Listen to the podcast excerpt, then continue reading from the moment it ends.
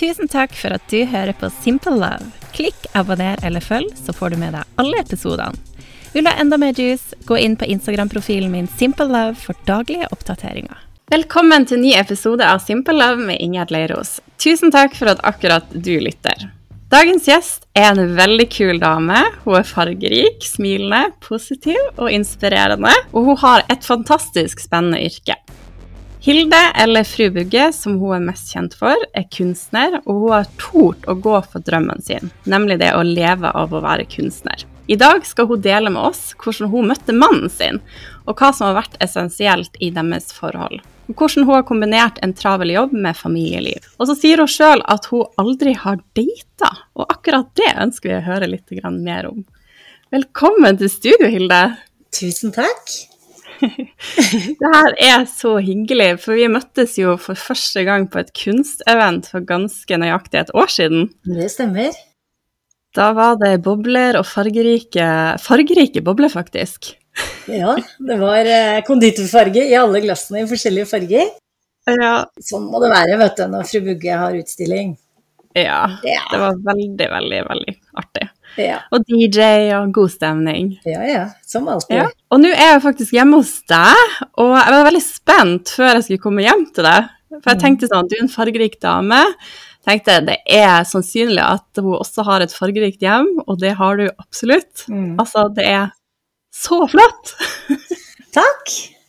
Uh, more is more, sier jeg bare. Uh, det er jo nips og, og kruseduller og kunst og farger overalt. Ja. Uten at det blir galskap, føler jeg da. Ja. Nei, absolutt ikke. Det er en herlig, herlig galskap i så fall. Men eh, jeg er jo veldig glad i interiør, så det her er jo eh, ja, så inspirerende å se hvordan du har gjort det hjemme. Takk. Ja, og aller først, eh, Hilde, for lytterne, så kan ikke du fortelle oss litt om deg sjøl? Hvem er Hilde? Ja, hvem er jeg? Jeg um er en dame blitt um, på 52 år som bor i Lillestrøm. Er fra Lillestrøm. Uh, jobber nå som uh, kunstner, selvstendig næringsdrivende. Jeg har ikke gjort det i hele livet, men det kan jeg fortelle om litt seinere. Jeg er gift og har to barn. Hmm. Mm. Ja, og vi er jo veldig, veldig interessert i den kjærlighetshistorien din, da. Ja. Og uh, hvordan du møtte mannen din. Så mm. ja, det er mye spennende som kommer her etter hvert. Men aller først, hvor, altså, hvor var du i livet når at du møtte mannen din? Nei, altså jeg var jo i et forhold, jeg. Uh, med en annen. Eh, og vi hadde vært samboere i fem år, og jeg tenkte jo den gang at det var mannen i mitt liv, da. Eh, vi hadde det kjempefint, vi, men så dukka jo han eh, andre her opp, da, eh, og ødela alt det. Fordi jeg eh, ble forelska eh, i en annen enn han jeg var sammen med. Så sånn starta jo det. Og det, start, det, er jo, måtte jo være Det var jo helt forferdelig, fordi eh, man vil jo ikke såre den man er sammen med og er glad i fra før. Eh, sånn at det Jeg prøvde jo å eh, ignorere for min egen forelskelse eh, veldig lenge. Eh, og eh, jeg bare prøvd å ikke tenke på han og ikke liksom bare være helt vanlig. Det kommer sikkert til å gå over, sa jeg til meg sjøl gjorde jo ikke det, vet du. Herregud, jeg var så forelska, så jeg visste ikke hvilket bein jeg skulle stå på. Um, så til slutt så måtte jeg jo bare um, få sagt det da, til dem det gjaldt. um, og det var jo en historie i seg sjøl, det. Men ja, sånn at det, det, kan jo skje selv den beste. At man forelsker seg i noen andre enn den man faktisk er i et forhold med, da. Og gudskjelov, da, i ettertid så, så, så, har jeg jo aldri angra på det valget jeg gjorde den gang, med å ja, gå fra eh, samboeren og få meg en eh, ny kjæreste. Mm. Mm. Det gjorde jeg. Jeg syns det er så fint at du forteller og er åpen og ærlig om det her, for det her kan jo skje, ikke sant? At man er i en relasjon, og så møter man noen, og så sier det bare pang. Mm. Så hva husker du hvordan det var å se da mannen din første gangen? Hva var tankene dine da? Det var ikke sånn at eh, for første gang så var det ikke sånn at å herregud, hvem er det, liksom? Han var dritkjekk eller et eller annet sånt noe. Det var ikke sånn. Det, var, det kom snikende på. Fordi vi eh, Jeg begynte å jobbe i en bar. Eh, fordi jeg var eh, jobba som lærling på den tida og tjente litt lite penger. Og var glad i eh, å gå ut. Og så tenkte jeg det at herregud, jeg kan ikke drive og fly ute hver helg og bare bruke penger. Jeg jo, jeg kan, hvis jeg begynner å jobbe i den baren jeg banker i, så kan jeg jo da tjene penger mens jeg samtidig er sosial. Så da begynte jeg å jobbe der. Og så sa det bare vips, og så begynte han å jobbe der òg. Og da ble vi kjent med hverandre på jobb, da. I denne mm. baren. Eh, bak baren. Eh, og det var jo, var jo ikke sånn at Jeg var jo i et forhold, så jeg tenkte jo ikke på han som noe sånn, noen andre enn ja, hvilken som helst annen kollega. Men det er jo det etter hvert som man blir kjent, da, ikke sant? så liker man en person bare bedre og bedre og bedre. Og til slutt så merka jeg det at når jeg gikk ut av døra hjemme, eller skulle på jobb eller på baren da, eller hva som helst, så pynta jeg meg for han. Mm. Jeg sto og så meg sjøl i speilet og tenkte herregud, jeg, det er han jeg pynter meg for. Da skjønte jeg at jeg var forelska. Mm. Jeg pynta ja. meg ikke sånn for han jeg var sammen med, eller hvis jeg liksom bare skulle gå ned på baren liksom, og skravle med folk, så kunne du liksom gå i en T-skjorte og jeans og være litt sånn fæl på håret og sånn. Mens nå begynte jeg liksom å stæsje meg hver gang jeg skulle dit. Da. og da er du forelska. Det kan være et tegn på det, ja. ja. Men veldig eh, kjekt òg at du har jobba i bar. Jeg har også faktisk jobba fire år som bartender i Oslo ved siden av studiene. Og det er akkurat det du sier, at eh, ja, det er en sosial jobb, man tjener også penger mens man faktisk er ute, og man lærer veldig mye av en sånn type jobb. Men ja, mannen din var ikke kunde, eh, du pynta deg for han, og dere jobba faktisk sammen. Så hvordan bygde det her seg opp? Du sier jo det bygde seg opp litt over tid. Mm. Men når skjønte du liksom at det her var noe spesielt? Skal du ha dato og klokkeslett? Nei. Nei, ja, det, ja det, det, var, det, var, da jeg skjønte det, altså. Når jeg sto øh, og, og, og stressa med hva skal jeg ha på meg og sånn, bare for at jeg skulle bort dit, i tilfelle han var der. Så det mm. var nok øh, da jeg øh, skjønte at det her er ikke greit, til det. Det her, fader, ass. Nå sitter du i, i saksa. Så ja, da måtte jeg jo fortelle dette hjemme, og det gikk egentlig uh, overraskende bra. Uh, og jeg måtte flytte ut av uh, der jeg bodde, for det var en leilighet som familien til hans ekssamboeren min eide. Så jeg flytta inn i et bokollektiv, og tok egentlig med meg mannen min, da, eller han jeg er gift med nå, han nye kjæresten min, Indi. Mm. Eh, og da starta vårt eh, samboerskap sammen med fire andre personer, og der bodde vi sammen i, i, to år.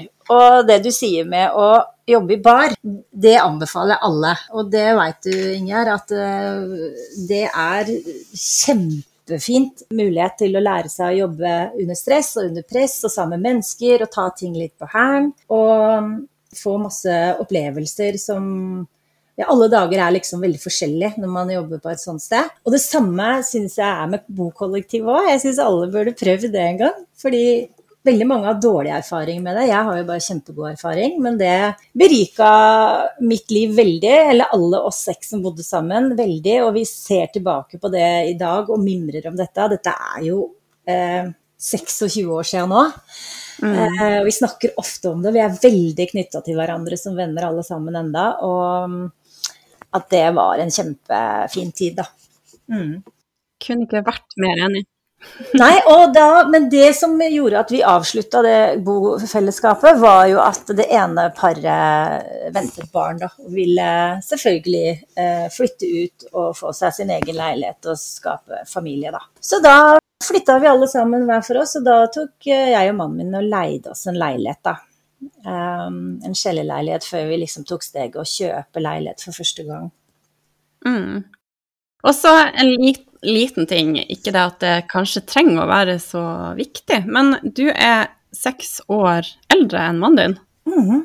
Og det er jo ikke Ja, ikke sant? Og det òg altså var jo en greie da når jeg ble forelska i han. Det er jo at herregud, han er seks år yngre enn meg. Da går det i hvert fall ikke. For jeg var jo 27, og da var jo han bare 21. Mm. Og en 21 år gammel gutt jeg har jo så vidt flytta fra mamma, liksom. Så det var jo litt skremmende, det òg. Hvilken livserfaring har han? Hva kan han tilby meg? Hva, hva, han jobber i bar. Ingen utdannelse. Det var mange spørsmål. Eh, men det var samme hvor mye negativt jeg fant på, så var jeg like forelska, da. Og ja. folk syntes det var veldig rart at jeg eh, ble sammen med en som var så mye yngre enn meg, men i dag, og i de aller fleste åra vi har vært sammen, så vi, det er jo ingen som merker det. Det er jo Og det har aldri betydd noe for oss at vi har den aldersforskjellen. Nei. Nei. Det trenger absolutt ikke ha noe å si. Så er jo han Kanskje han var litt mer voksen for alderen, og jeg har alltid vært litt barnslig for alderen. uh, og det er jo en gjenganger med meg. Jeg har mye yngre venner og har alltid hatt det, liksom. Uh, så jeg veit ikke. Jeg tok vel litt tid for å modne. Så sånn sett, sånn, selv om han var 21 og jeg var 27, så var vi ganske sånn likestilte oppi huet. Mm. Mm. Vi var det, altså. Ja. Nei, men det, det, er godt at du eh, tar bort den fordommen der. Trenger ikke ha noe å si.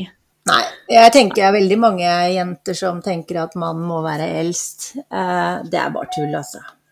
Mm. Det, og mannen dør eh, tidligere enn kvinner òg.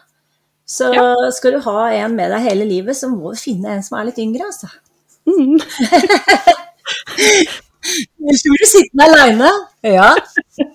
Det er et argument. Ja. ja. ja. du har sagt litt om de første årene her dere ble ja, kjent og var sammen. Og ja. Unnskyld at jeg avbryter, men det må jeg bare fortelle deg, Ingjerd. Det var jo altså Du veit når du er sånn forelska, så finner du ut før du sier det til noen liksom, av dem det gjelder, så må du fortelle det til en venninne. Du må jo ja. bare få det ut. Og jeg hadde jo en eh, Jeg har en kjempegod venninne. Og uh, jeg sa du må være med på en kjøretur. det er noe jeg må fortelle, liksom. For det her var virkelig krise for meg. Det var liksom Hva kommer verden til å si? Altså, ingen kommer til å like meg etter at jeg går fra han jeg er sammen med, for en fordel for en annen. Og vi hadde jo så mye venner og vennepar og sånn, så jeg var livredd, ikke sant. Og så, og så, ja, ble hun med på denne kjøreturen, da. Og så stopper vi, er vi, og så kjører vi Lillestrøm, da, ikke sant, for det er jo der vi bor, da. Og så stopper jeg bare liksom siden av ja, ved en sånn veikant, da. Uh, og så har vi liksom Storgata Lillestrøm foran oss. Der står jeg parkert, da. Og så sier jeg hva er det liksom, da? Nei, så sier jeg vet du hva, jeg må bare fortelle deg det. Jeg er forelska i en annen. Bare hæ? What? Ja, sier jeg. Men herregud, hvem da? sier hun. Og jeg sitter jo liksom og ser ned i fanget mitt når jeg prater med hun da, og så bare løfter jeg huet og ser opp og ut gjennom frontruta av bilen.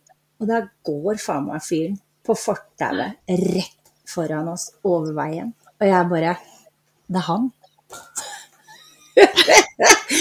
og hun trodde kanskje først jeg tulla, liksom. Eller, det var kanskje skjebnen. Det var helt sånn der, ja. Hvorfor skulle akkurat han gå der akkurat da? Så jeg det er han. Han er det. Og hun bare Her er han!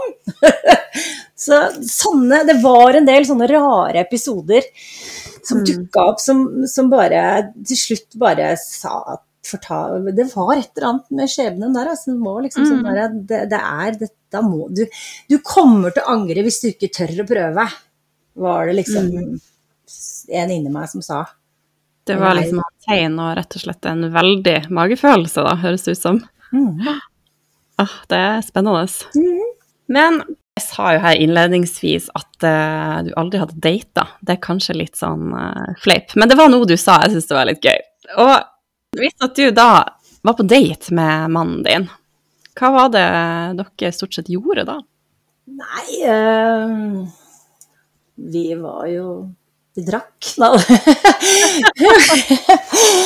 ja, vi eh, dro ut fra Lillestrøm, veldig ofte til Oslo. Uh, ute og spiser, havner på en bar, skravla.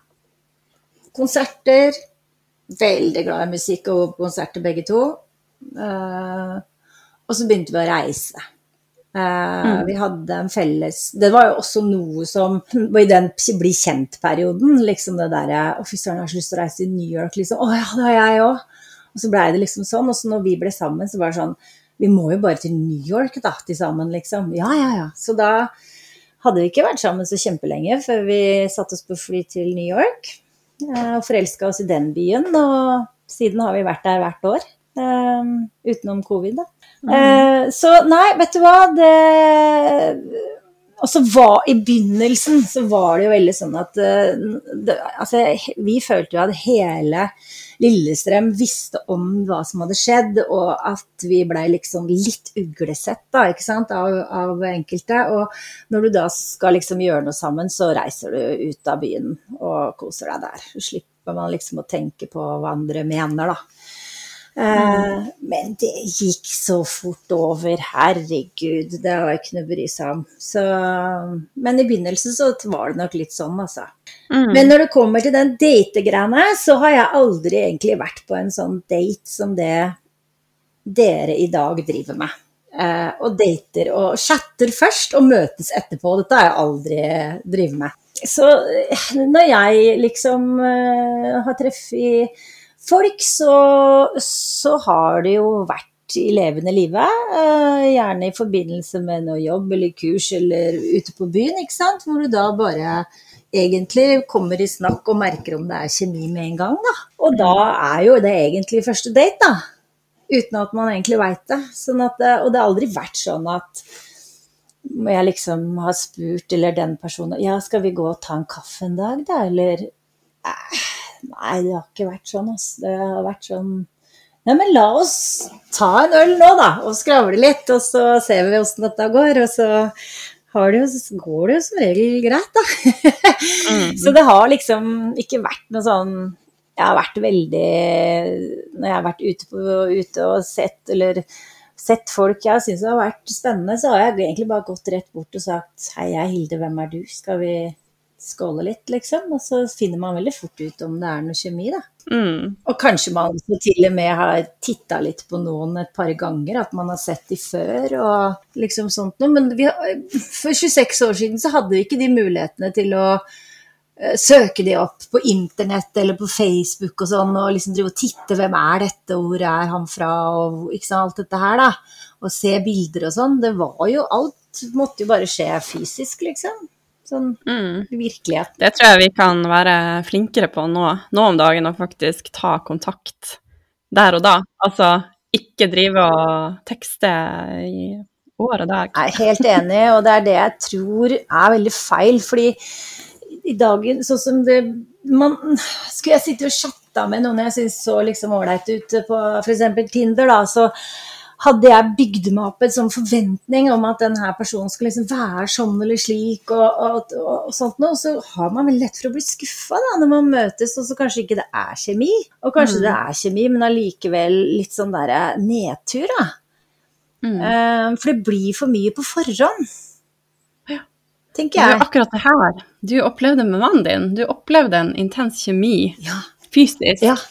Så um, da litt tilbake til dere. Da hadde dere vært sammen noen år. Og apropos dere likte å reise sammen, og du nevner New York. Mm. Og så spurte jeg deg, altså når de ble dere egentlig forlova? Hvordan skjedde det? Mm. Kan du ikke fortelle litt om det? Jo, jeg kan det. Men lenge før det ble noen forlovelse, så hadde vi greid å sette to barn til verden. Ja. ja. Det hadde vært. Ja, det hadde vi. Så vi fulgte ikke reglene. Vi bare klemte til og fikk, uh, fikk to barn. eh, med fire års mellomrom. Barn nummer én var jo som De sier jo det, én er som ingen, to er som ti, og det var riktig i vårt tilfelle. Vi merka nesten ikke at vi fikk vårt første barn, holdt jeg på å si, fordi han var jo så rolig og, og snill og var med på alt snill. Han var snill, han andre òg, det er ikke det. Men uh, det gikk veldig greit da å ha ett barn. Uh, det var lett å få barnevakt hvis man ville, for vi var jo veldig opptatt av ok, skal vi få barn, så må vi jo fortsette å leve vårt liv sammen. Alt skal jo ikke bare være barnet eller familie, skal jo, vi skal jo være kjærester oppi dette òg.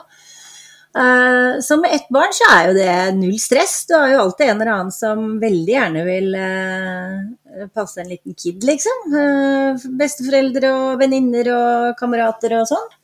og de legger seg jo forholdsvis tidlig, så det er jo bare å få noen til å komme over og være der mens barnet sover. Og så kan man jo gå ut på kino eller konsert eller hva man vil. Men får du to, da, så er det ikke så mange som er like keen lenger.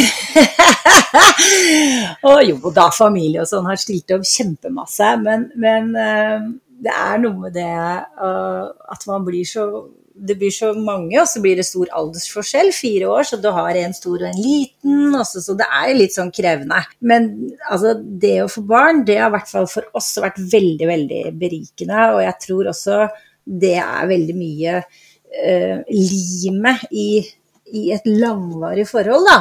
I liksom i mange år, så er det nok det. Fordi man vil Begge er veldig innstilt på å få det til, man skal være der for barna sine. Man vil liksom ikke at, man, at det skal være noe At man skal gå fra hverandre eller sånne ting. Man gir litt sånn ekstra. Jeg tror det er mye lettere å bare gi opp et bra forhold mm. hvis man ikke har barn, da. Mm. Så ja, så to barn, da. Og så, når han yngste var ett og et halvt, så sier mannen min det at Eller det kjæresten min, da, som han var, eh, og samboer, eh, kjæresten min, det at eh, Du, uh, mutter'n kan ha unga uh, liksom noen uh, en stund i sommer hvis vi har lyst til å reise bort, bare du og jeg. Og så sier ja, herregud, det gjør vi.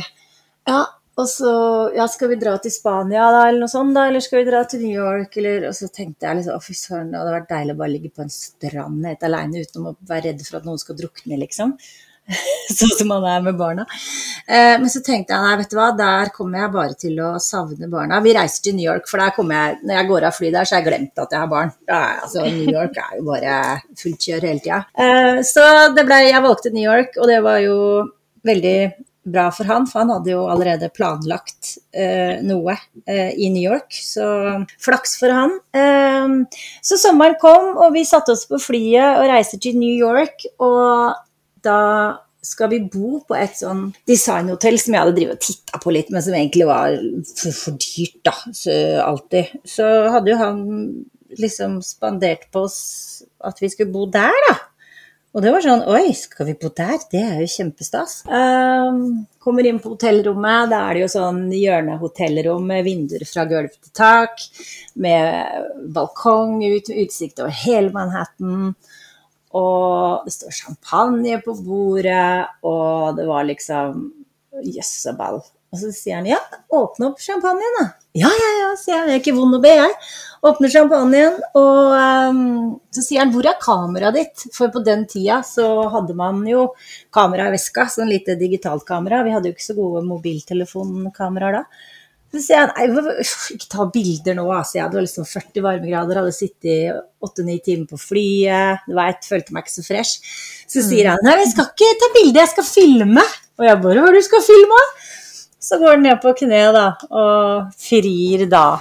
Eh, ah. mens han filmer sitt eget frieri.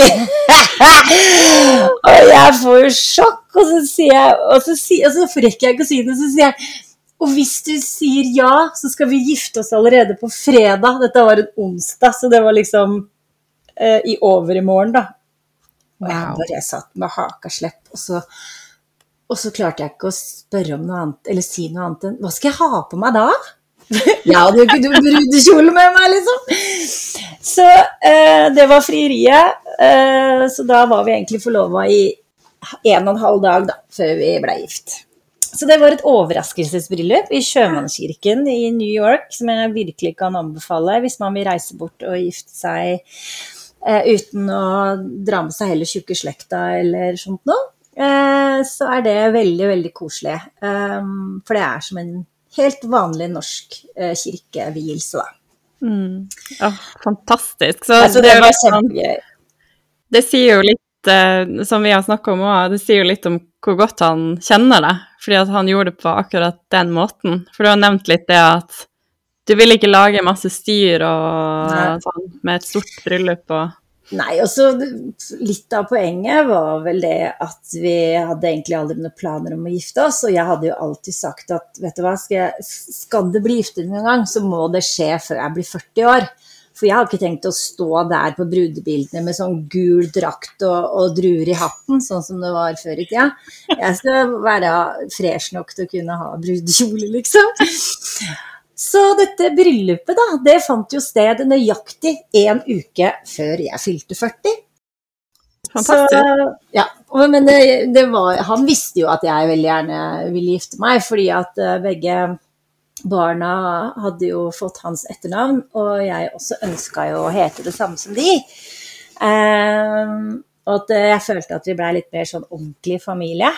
Så ja. Jeg fikk William i der, da. jeg veit ikke hva jeg skal Jeg, jeg vet, altså, det hadde vært like greit uten eh, å gifte seg òg, men eh, den dag i dag så er, og jeg angrer ikke på det, altså. Det var skikkelig Det er skikkelig fint å være gift. Mm. Det er det. Det er det. Tror jeg på. Ja, det Mm, hørtes- det er skikkelig fint, altså. Det er, det er en sånn livsledsager, og det er en bestevenn, og det er eh, Det er liksom alltid ett, da. Mm. Og faktisk det å bare ja, ta det et standpunkt at man lover hverandre at vi Det er oss mot verden. Ja. ja. Verden har blanda seg noen ganger, har jo det. Så det er jo det er ikke bare en dans på roser å være gift heller. Eh, men Nei. det er det ikke å være samboer eller kjæreste heller, og over eh, så lang periode. Sånn at eh, det må man være bevisst på, at eh, uansett om man er kjæreste, samboer eller gift, så vil det alltid være noen dumper i veien. Mm. Det må man jo jobbe med sammen, da. Ja. Mm.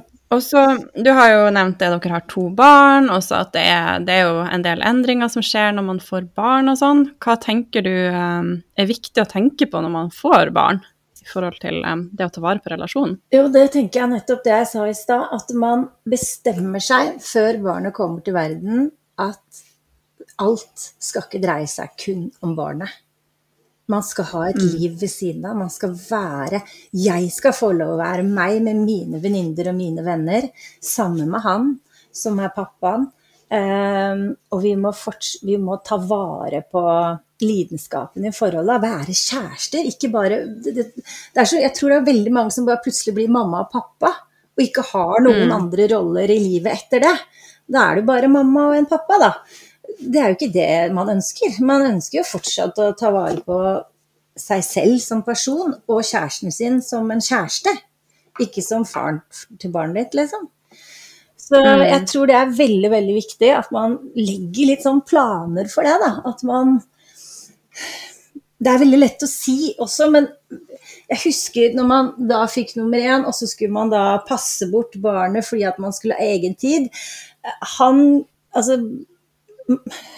Mannen min gleda seg jo veldig til det, mens jeg var sånn Nei, jeg tror ingen kan passe den like godt som meg, og jeg ville ikke levere den fra meg. Og det blir veldig sånn mamma-mamma, da. ikke sant? Og da kommer det sikkert til å gå noe gærent mens jeg er borte, og det er tusen katastrofetanker. Det skjer jo ingenting, ikke sant. Og ungene har jo så godt av å være sammen med andre mennesker òg. Og, og starte veldig tidlig med det. Man tror at Og siden jeg ammer, så kan jeg ikke reise bort. Ja, men det må gå i hvert fall et år, liksom. Det er så bullshit. Det, unga eter når de er sultne, og de får uh, melk på flaske, liksom. Det, det er um, Det der det går fint. Men det er det å forstå det som nybakt mamma, og du er ganske vimsete som nybakt mamma, og du tenker ikke at uh, kjæresten din er kjæresten din helt med en gang, altså. Det, han kommer i andre rekke, så man må liksom virkelig ta seg sammen litt som, som eh, dame i et forhold med med småbarn altså, og si at herregud, det er en mann oppi dette her òg, som trenger å få Mm. oppmerksomhet, og som trenger å få kjærlighet og alt sånt noe. For vi får så mye kjærlighet av det eh, bar, nyfødte barnet og den babyen og den lille mennesket som vokser opp, ikke sant. For det er jo alltid mamma, mamma, mamma de første åra. Sånn at eh, man følte liksom at det blir nok kjærlighet der, og den største kjærligheten er barna sine og sånn. Selvfølgelig er det det, men da varer ikke forholdet evig, altså hvis man glemmer at det, er en kjæreste et sted i huset her òg. Så være oppmerksom og si fine ting til hverandre og hjelpe hverandre og sånn. Jeg husker jo vi hadde en periode hvor ingen altså, fikk sove om nett Altså det var mye våkennetter og sånn. Eh, når vi hadde fått to, og vi var så slitne begge to at du hadde mest lyst til å bare kaste unga ut gjennom vinduet fra tredje etasje, liksom. For at du bare orka ikke mer. Og den tror jeg alle har gått på en eller annen gang. Eh, og kjenner følelsen av dere som har barn som hører på, at eh, det, blir så maktesløs. Og da blei det sånn Fy fader, nå kan du ta dem, ass! Jeg har sovet bare 20 minutter. Og så ble det liksom at Ja, nei, da er det meg, nå er det meg, nå er det meg. Og til slutt så bare sier mannen min at det kommer til meg en dag så vi må snakke sammen, liksom. Altså, vi kan ikke drive og ta av hverandre, vi må gi til hverandre. Hva mener du med det, liksom, sier jeg. Og så sier han nei, vet du hva, jeg tror jeg tror dette her kommer til å gå mye bedre hvis vi sier vet du hva, jeg tar det, jeg bare sov videre, du, eller jeg har eh, sånn og sånn, nå kan du få slappe av, og dette ordner jeg, og sånn. Og det forandrer alt for oss, da. At vi liksom begynte å gi hverandre slappe av tid istedenfor å kreve å få det. Uh, mm. Og det å mm. gi hverandre gå ut av døra-tid, være sammen med andre venner og andre folk, liksom.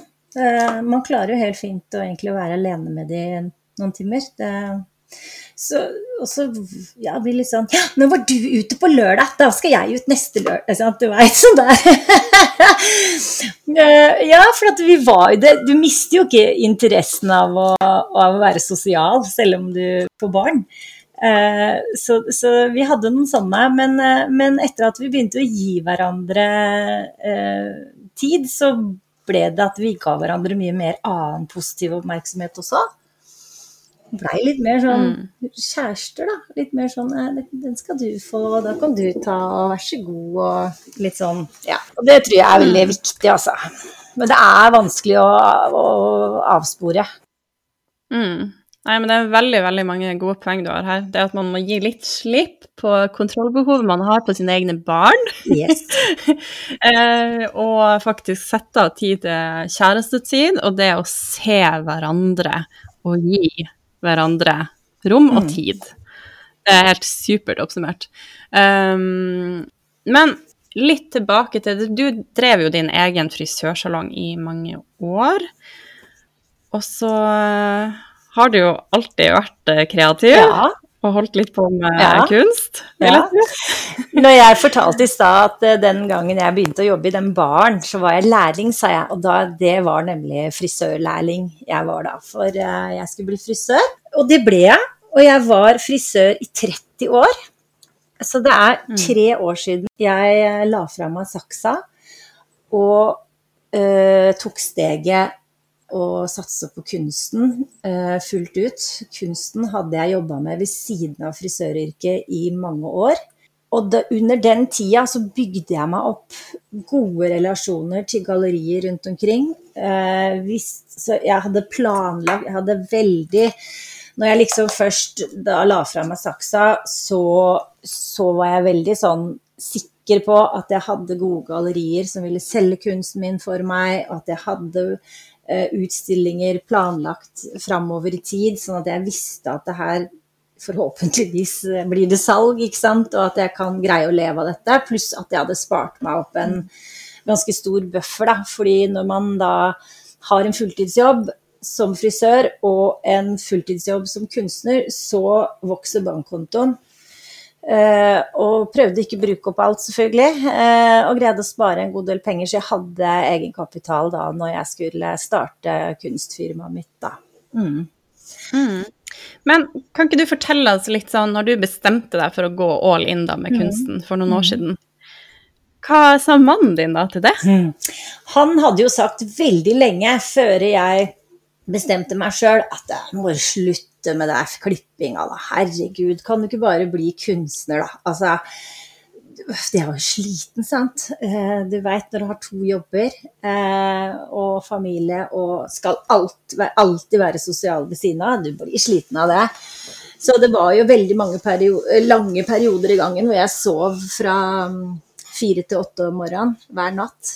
Fire timers søvn fordi jeg jobba på salongen. Eh, hjem, spiser middag med familien, er sammen med de til barna la seg åtte-ni-tida, og så var det å begynne med bildene.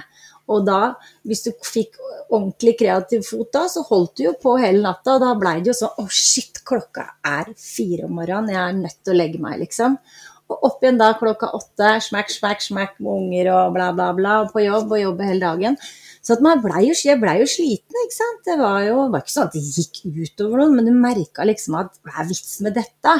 Men jeg turte ikke føre jeg var klar sjøl til å ta steget. Mens han øh, og mange av mine nærmeste sa nå legg fra deg det frisøryrket, for nå, øh, nå er du Nå kommer du til å overleve som kunstner.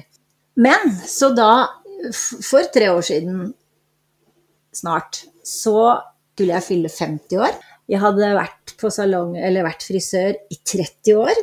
Og jeg hadde drevet egen salong sammen med en kollega i 15 år. Alt dette skjedde samme året. Og det var da tre sånne viktige, eller store tall, da. Så tenkte jeg det er nå. Jeg blir 50, mm. jeg var frisør i 30, det var veldig sånn runde tall. Da tenkte jeg nå, nå er tiden inne. Da bestemte jeg meg. Og da eh, fortalte jeg det til alle, og da hadde jeg liksom et halvt år på meg da, til å avvikle alt, da. Så det er godt planlagt. Mm. Ja. ja. Men du fikk mye støtte fra mannen din? Det er full støtte, ja. Og det er klart det at mm. sett nå i ettertid, så, så var det jo mer kremdager økonomisk når jeg hadde to jobber. Eh, jeg har jo ikke like god inntekt uh, kun som kunstner, enda i hvert fall. Uh, og det er jo noe som jeg syns er veldig raust av han å være klar over og likevel pushe meg på det, da. Eh, fordi det er jo pengene man lever av, og alle vil jo ha mest mulig penger og, og, og ja, man har jo tross alt to barn også, ikke sant. Men sånn som han sa, herregud, går det ikke, da, så kan du jo bare bli frisør igjen. Frisør er du jo, uansett. Så jeg hadde jo alltid Og jeg hadde, eide jo um, min egen salong som, sammen med en kollega, og jeg kunne alltid komme tilbake dit anytime, liksom. Så jeg hadde jo den mm. backupen, og det også gjør det jo litt lettere. Uh, sett nå, tre år etter, så blir jeg aldri frisør igjen. Det er jeg ferdig med. Så, mm. og selv om det også er et veldig kreativt yrke, jobber med form og farge der òg. Og det gjør vi, man jo som kunstner òg, billedkunstner som jeg er. Uh, form og farver og ja, det, er, det, går veldig mye det samme, altså. Men jeg slipper å prate så mye med bildene mine, da, som man må prate med kunder på salongen. og da veit ja, du.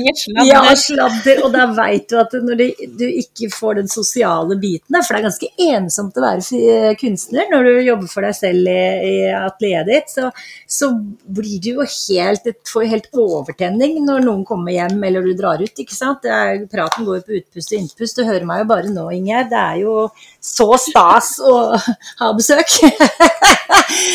så, ja. ja. det er veldig, ja. veldig bra. Så, men veldig alltid støtta meg, pusha meg og gjør det fortsatt. Uh, virkelig, altså. Og han syns det er veldig stas å ha uh, meg um, at, at, jeg liksom har gått for drømmen, da. Ikke sant? Jeg er litt stolt av det, for å si det rett ut, da. Jeg var jo veldig, veldig eh, heldig å få møtt han her ja. i stad, og vi snakka jo veldig lenge mm. sammen. Og jeg merker jo på han at han er kjempestolt av deg, måten han ser på deg og Ja, så det tenker jeg er veldig, veldig godt tegn at uh, partneren støtter deg fullt og helt i det du mm. gjør.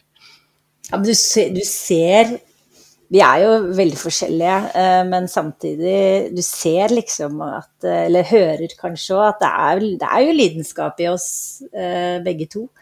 Vi er veldig mm. flinke til å framsnakke hverandre. Mm. Ja, ja, det merker jeg. Og det, det, her er interessant, for at du sier at dere er ganske like på mange ting også. Men hva er dere mest ulike på? Største ulikhetene? Um, musikksmak. veldig forskjellig musikksmak. Eh, altså selvfølgelig noe likt, men, uh, men uh, vi setter på veldig forskjellig musikk hvis vi skal sette oss og høre på musikk aleine, en av oss, liksom. Og så har vi fellesmusikk når vi skal sitte sammen med musikk. Ja. ja. Sånn løser det Ja, altså vi har spilleliste som er felles, som er oss to, liksom. Som er kjærestelåter og låter vi er glad i, og låter vi synger til hverandre eller med hverandre på sånn. Det er sånn, det har vi. Alle må jo ha det. En egen, en egen kjæresteliste på Spotify eller uh, sånt noe, det, det skal man ha. Um, så vi er litt ulike der. Eller så en annen, en annen, side som vi er ulike på, det er jo at jeg er jo veldig utadvendt, veldig sosial og veldig um, ekstrovert. Uh, han er slett ikke introvert og usosial på noe som helst måte, men er litt annerledes enn meg der. Jeg er sånn som kan prate med alle i butikken og elsker smalltalk og elsker å bli kjent med nye. Han er sånn som hater sånn overfladisk smalltalk og orker ikke folk han ikke um, har noe liksom, forhold til, eller som Nei, han er han er en helt annen type enn meg der, altså. Jeg er mye rundere i kanta. Og så er han ikke um, Jeg er jo veldig positiv. Jeg er jo sånn Nei, men det fikser seg. Hvis noe har gått i stykker, så er han sånn Nei, bare kjøpe ny. Kaster den, kjøper ny. Mens jeg er sånn Nei, nei, kom her, dette ordner seg. Vi mekker og skrur og litt gaffateip og sånn, så går det sikkert fint. så vi er veldig forskjellige også, så Det er uh, Men så har vi uh, en ting som jeg syns er litt viktig òg, i et forhold. Det er at vi har litt lik humor. At man ler litt av de samme tingene, og vi ler mye av hverandre, da. Eh, kanskje mer og mer ettersom mm. vi blir eldre. fordi så, nå da, når jeg er blitt gammel, liksom, 52 år, så, så, er det jo lesebriller hele tida. Eh, for man får sånn gammelmannssyn.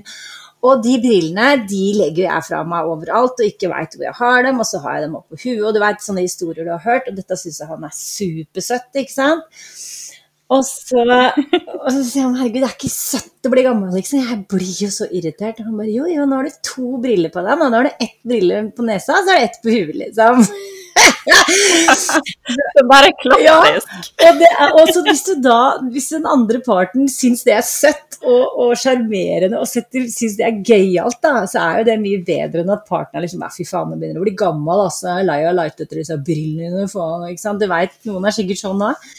Ja. Så at man må liksom bare ja, ja, du kommer dit snart, du og ja, ja. ikke sant? Sånn at man tar den der alderdommen som man vet begynner å snike seg innpå nå etter hvert, så tar den med en stor porsjon humor. Så tror jeg det mm. Og det er man bare nødt til, ellers så går det jo ikke, liksom. og, ja, det er jo noe du sier her, at det å snakke pent til hverandre, respektere hverandre. Og det at man husker Man blir litt vimsete også. Eh, jeg vet ikke om det er Overgangsalder er jo noe vi aldri har prata om, som har kommet veldig opp i det siste. Og det passer meg veldig godt, for nå er jo jeg Begynner jeg å komme i den eh, fasen. Og da blir man jo litt sånn ammetåka, litt sånn dement, rett og slett. Og glemmer og sa jeg det? Når sa jeg det? Har du sagt det? Når sa du det? Ja, Det har ikke jeg hørt. Ikke sant? Å, herregud, jeg sa jo det til deg for en uke siden. Og da kan folk bli irriterte, mens han ler av det og syns at det er kjempesøtt at jeg roter og rører og glemmer og sånn. Så men det er forhåpentligvis forbigående fase akkurat det, men det er også noe som kommer med alderen nå, at man glemmer mer og blir litt mer vimsete og rotete og sånn, da. Og ting går litt treigere. Eh, jeg er ikke så god teknisk på ting, så hvis noe skal liksom ordnes, så er det, er det litt sånn styrete, da. Um, og sånn blir det jo bare mer og mer. Så jeg tenker at man liksom kan ha, ha den derre humoren uh, uh, likt, så kommer man veldig langt i et forhold. Altså, hvis man ler av de samme tinga, mm. enten det er en komedie eller det er noen som tryner på isen, eller altså, hva som helst. Altså, det er viktig, syns jeg. Jeg kunne ikke overlevd i et forhold man ikke lo sammen mye. Nei. Nå tror jeg du kommer eh, inn på noen helt essensielle ting her helt mot slutten. Det å klare å bevare romantikken, det har dere klart nå i 26 år. Og jeg har jo også foreldre som har vært gift i 38 år, og de eh, har jo fortsatt beholdt gnisten. Og det er så fint å se at det faktisk er mulig. Så helt sånn, for å oppsummere det, da, sånn, hva tror du er hemmeligheten til å få akkurat det til? Som mannen min sa til deg i stad, da, når du spurte han om det samme, så sa jo han jeg tror det er en god porsjon flaks.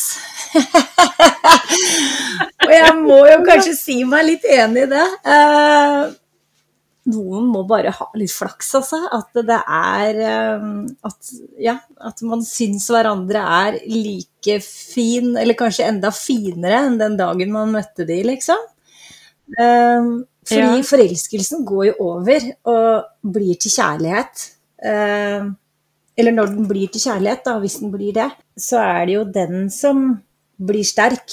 Uh, man tror at forelskelsen er den sterkeste, men det er jo kjærligheten etter hvert som blir det sterke båndet. Og mm. man skal ha litt flaks, som man sier, at, uh, at ting skal gå litt på skinner. Men det må jobbes, altså. Det er, det er en jobb, og man må virkelig ønske at dette forholdet skal vare. Man må ønske å leve mm. resten av sitt liv med det mennesket. Hvis man er i tvil, så er det ikke like lett. Og, og tvilen kan komme på en sånn liten ting som at uh, Ja, nå uh, Ja, for ta for eksempel, vi er invitert et sted på en middag eller noe sånt. Nei, det, har jeg takka ja, men så har ikke han lyst. Da blir jeg sånn Ja, men jeg har jo sagt ja. Ja, men jeg har ikke lyst. Nei, skal jeg si at du ikke er sulten, da? Eller at du ikke har lyst? Eller si hva du vil for meg, du, men jeg skal ikke være med. Og da ble jeg sånn Herregud, jeg har jo valgt helt feil mann. Ikke sant? Noen dager så Det er så lite som skal til da, for at man begynner å Hæ, er det sånn det skal bli? Er det sånn det skal være? Dette kan ikke jeg leve med. Så man må liksom bare Hva er viktig? Hva er viktig? Man må finne ut hva som er viktig for seg i sitt uh, forhold, og skape det sjøl. Og jobbe for det. Og være raus med hverandre, være raus med tid. Man må stole på hverandre.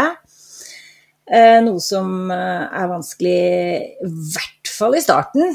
De første åra. Man kjenner mm. ikke personen godt nok. Man sitter aleine hjemme og tenker 'hva er driveren med nå', eller Ja, jeg, kjente på masse sånne rare følelser eh, i starten. Første åra.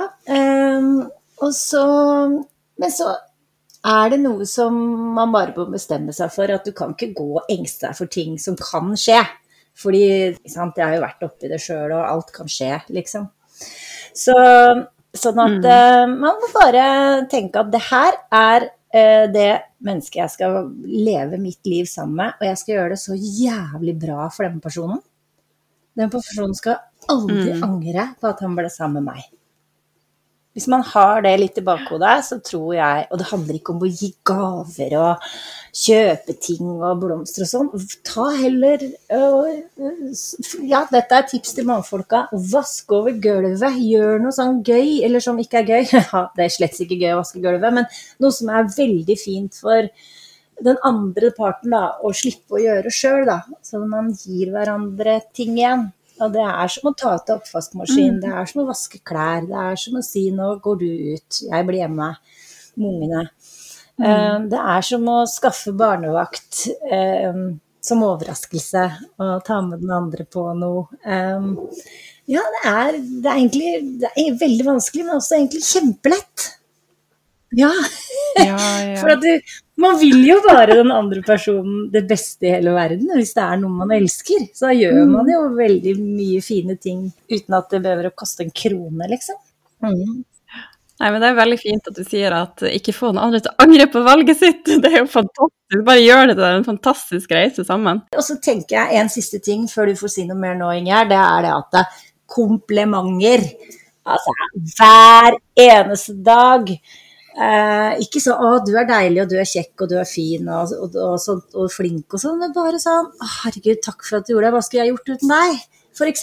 Eller ja, det er så lite som skal Mm. til. Det er bare å få den andre til å føle seg verdsatt, eller få den andre til å føle seg likt og sett. Der har du, der har du hemmeligheten.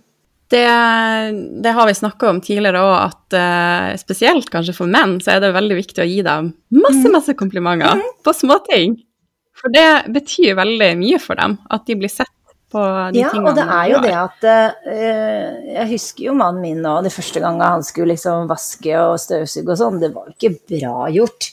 Men jeg sa jo ikke det, herregud, og gikk over sjøl etterpå og sånn. Jeg sa jo bare 'har du gjort det? Tusen takk'. Jeg blei så ekstra glad, mye mer glad enn jeg egentlig blei, for det var ikke gjort så bra. Men jeg liksom viste at jeg satte så jævlig pris på det. Og da syntes jo han det var liksom gøy. Så da blei det sånn at herregud, altså blir jeg da så glad, så gjør jeg det gjerne igjen. Og når de gjør det igjen og igjen, så blir de jo flinkere og flinkere. ja. Ja, og, og så til slutt så er de bare dritflinke til både støvsuge og vaske og alt mulig sånn. Og så er det jo noe med det at eh, en veldig sliten husmor eh, legger seg ikke om kvelden eh, i sexy undertøy og tilbyr eh, det ene og det andre. Men eh, hvis mannen har eh, vært på og gjort sitt og jobba litt og gitt litt ekstra, så er det lettere at det skjer da, tenker jeg. Mm. Fordi man skal ha overskudd til det seksuelle i forhold også. eh, og det er også en utfordring Mm. med, små barn. ikke sant? Og alt det, og skjer mye med kroppen og sånn når man får barn. og sånt noe. Da også er det veldig viktig at mannen er veldig på med komplimenter. At uh, forteller deg at du er like deilig, og jeg syns du er like vakker og pen. Kanskje Mm. enda penere enn før du fikk barn. Alt dette her det har så mye å si, fordi at du mister litt troa på egen kropp og eget utseende og eget alt. da. Og også når man har vært Mm. sammen så mye at man begynner å få rynker og bli gammel og nærsynt, så er det veldig viktig å få høre at man Det er litt hyggelig å vite at eh, man fortsatt er attraktiv, da. Mm. Mm. Og det sa jo også mannen her til deg i stad mens jeg var her, at han syntes det var så flott ja, men altså, man kan jo ikke leve et langt liv med en person man ikke syns er sexy, tenker jeg. Nei. Nei, det er viktig. Den biten der er også veldig viktig. Men kunst og ekteskap, hva er det som eh, skjer nå? Planer videre med Ja. I hele sommer så skal jeg stille ut på Galleri Hervold i Hamar. To måneder. Ja. Med åpning 10. Eh, juni. Eh, Jeg vet ikke om dette blir sendt før det, men den henger i hvert fall i to måneder der. Så da skal jeg stille ut med andre fantastiske, flinke kunstnere. Veldig kjente kunstnere. Eh, så det er stas. Eh, vi skal prøve å ha litt ferie sammen. Eh, både noen småturer aleine. Vi skal eh, til Skottland og ja, litt sånn småtteri. Og så skal vi ha med oss gutta på litt turer, da. Så prøve å få litt ferie. Um, og så til høsten så smeller vi vel til med noen utstillinger igjen da òg. Det er jo, hvis noen er litt interessert å se på ferden videre, så er det jo bare å følge meg på Instagram. Det er jo Fru Bugge på Instagram. Mm. Ja. Og der legger jeg ut alt som skjer. eh, med kunst, ikke med kjærlighet. det er det du som legger ut. så, så nei da. Men planen er å bare fortsette i den stimen man er i. Både eh, kjærlighetsmessig, familiært og yrkesmessig. Jeg har det veldig, veldig godt om dagen. Eh, jeg lever drømmelivet, syns jeg, da. Så godt å høre. Men siden du er kunstner, Hilde, og siden eh, du og jeg allerede har snakka litt om det her, så har jeg lova lytterne en tid nå at jeg skal annonsere hva jeg skal jobbe med når jeg skal flytte. For de som eh, følger meg daglig på Instagrammen Simple Love, så har jeg fortalt at jeg har sagt opp jobben, og jeg har solgt bilen min, og jeg skal ta med meg to kofferter og flytte. Og jeg skal flytte langt. Jeg skal flytte til San Francisco. Og siden du er kunstner, Hilde, så vil jeg benytte muligheten til å si at jeg skal jobbe i et fantastisk galleri med salg og import av kunst fra hele verden. Gratulerer! Det er så gøy! Det er altså så gøy! Herregud, altså. Jeg er så klar for et helt nytt kapittel i livet. Så hvordan tror du det blir? helt fantastisk. Eh, Nå har jo jeg eh, visst om det et lite kvarter, så jeg har allerede vært inne og googla det galleriet. Og, og, det er jo et ordentlig stilig eh, galleri med moderne kunst. Eh, rålekkert. Du kommer til å passe inn som bare det. Altså, herregud, du må ha så mye lykke til. Uh, jeg er skikkelig misunnelig. Uh, og det tenker jeg også til alle lyttere som er uh, single, da, eller unge uten barn. Gjør sånne ting som det du gjør, Ingjerd, for det blir vanskelig når du har unger i skole og du ikke kan ta dem med og flytte til utlandet. Du gjør det når du har tid og mulighet. Det er så kult gjort. Og kanskje til og med møter du den mm. store kjærligheten i San Francisco. Ja, hvem vet? Hvem vet? og det er jo, som du sier her, jeg bare merker en sånn vanvittig magefølelse på at det er det her som er rett for mm. meg å gjøre akkurat nå. Det er det. Det er jeg helt sikker på. Det er det. Det er det. det og tenk deg den berikelsen du får hver dag å omgås med så mye kunst og så mye um, kunstnere mm. som du kommer til å treffe. Uh, og selvfølgelig også vanlige besøkende i galleriet. Men det, altså, du, du, det blir som å jobbe i bar, det er bare ti ganger bedre. ja. Ja, kommer jeg du på besøk da, Hilde? Jeg har aldri vært i San Francisco, og det, det har jeg skikkelig lyst til. Um, det ser dødsfint ut der, og det er litt sånn fritt som jeg liker, sånn i forhold til dette med pride og det vi er midt oppi nå. Den, ja, det er, mm. det har kommet et steg eh, videre enn resten av verden, føler jeg. Sånn at um, det er, jeg tror det er et veldig, veldig fargerikt sted å bo. Mm. Mm, det er en helt fantastisk by. Jeg er ganske godt kjent med byen allerede. Men uh, ja, du er i hvert fall hjertelig velkommen. Hjertelig takk. Det skal jeg legge bak øret, altså. Mm. Ja. Så hvis dere vil vite enda litt mer om uh, det her, og hvordan jeg fikk denne jobben, så følg med på Instagrammen min, Simple Love, så skal dere få alle detaljene der. Og med det så runder vi av her for i dag. Og da må jeg si tusen takk, Hilde, for at du delte erfaringer og masse gode tips med oss. Jo, bare hyggelig. Og jeg vil ønske alle som er i starten av et forhold, eller er i et forhold, eller skal i et forhold etter hvert, masse lykke til. Det går bra til slutt. Det gjør det. Og du Hilde, du sprer så mye glede rundt deg, og jeg syns du er helt herlig. Så følg med videre på Hilde under Fru Bugge på Instagram. Så kan du også få sjanse å møte henne på et av hennes mange kunstevent Veldig gjerne. Fremover. Ja. Og da håper jeg du, Hilde, og mannen din fortsetter å ha masse glede i hverandre og nyte kjærligheten. Fordi kjærligheten er helt rå. Kan vi ikke Nei, være enige altså, om det? Det er nesten litt skummelt. ja. ja. Da sier vi takk for oss, og ha det bra! Takk for meg. Tusen takk for at du hører på Simple Love. Klikk abonner eller følg, så får du med deg alle episodene. Vil du ha enda mer juice, gå inn på Instagram-profilen min Simple Love for daglige oppdateringer.